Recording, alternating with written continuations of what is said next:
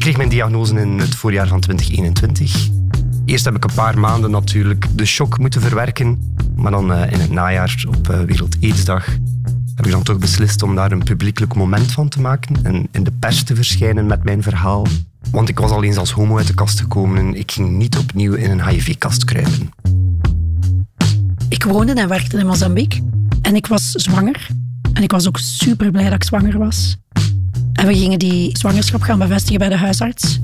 En toen stortte mijn wereld ineens ineen, want ik was ook HIV-positief. Welkom bij de podcast Positief. Het verhaal van twee Gentenaars die leven met HIV. Laurence. En Christophe. In iedere aflevering gaan wij in gesprek met elkaar, maar ook met een gast. Allee, ik had dat van mijn kant dus niet voorbereid.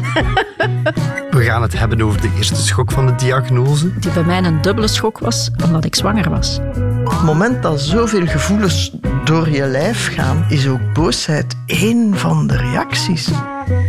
Ik ben er vrij snel mee naar buiten gekomen, heel publiekelijk mee naar buiten gekomen. Terwijl ik daar 15 jaar heel stilletjes mee heb gezeten.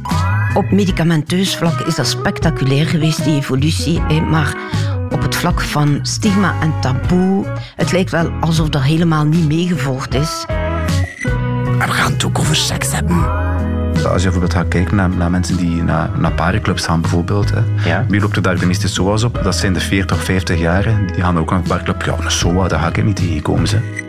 We willen ook de mensen bijbrengen dat je positief kan blijven als je positief bent. Daardoor, omwille van het Magic Johnson effect, de drempel naar testen verlaagd is. Dus ik hoop echt op een Magic Laurence en Christophe effect. Dus welkom bij onze podcast Positief, ons verhaal. Ons positief verhaal.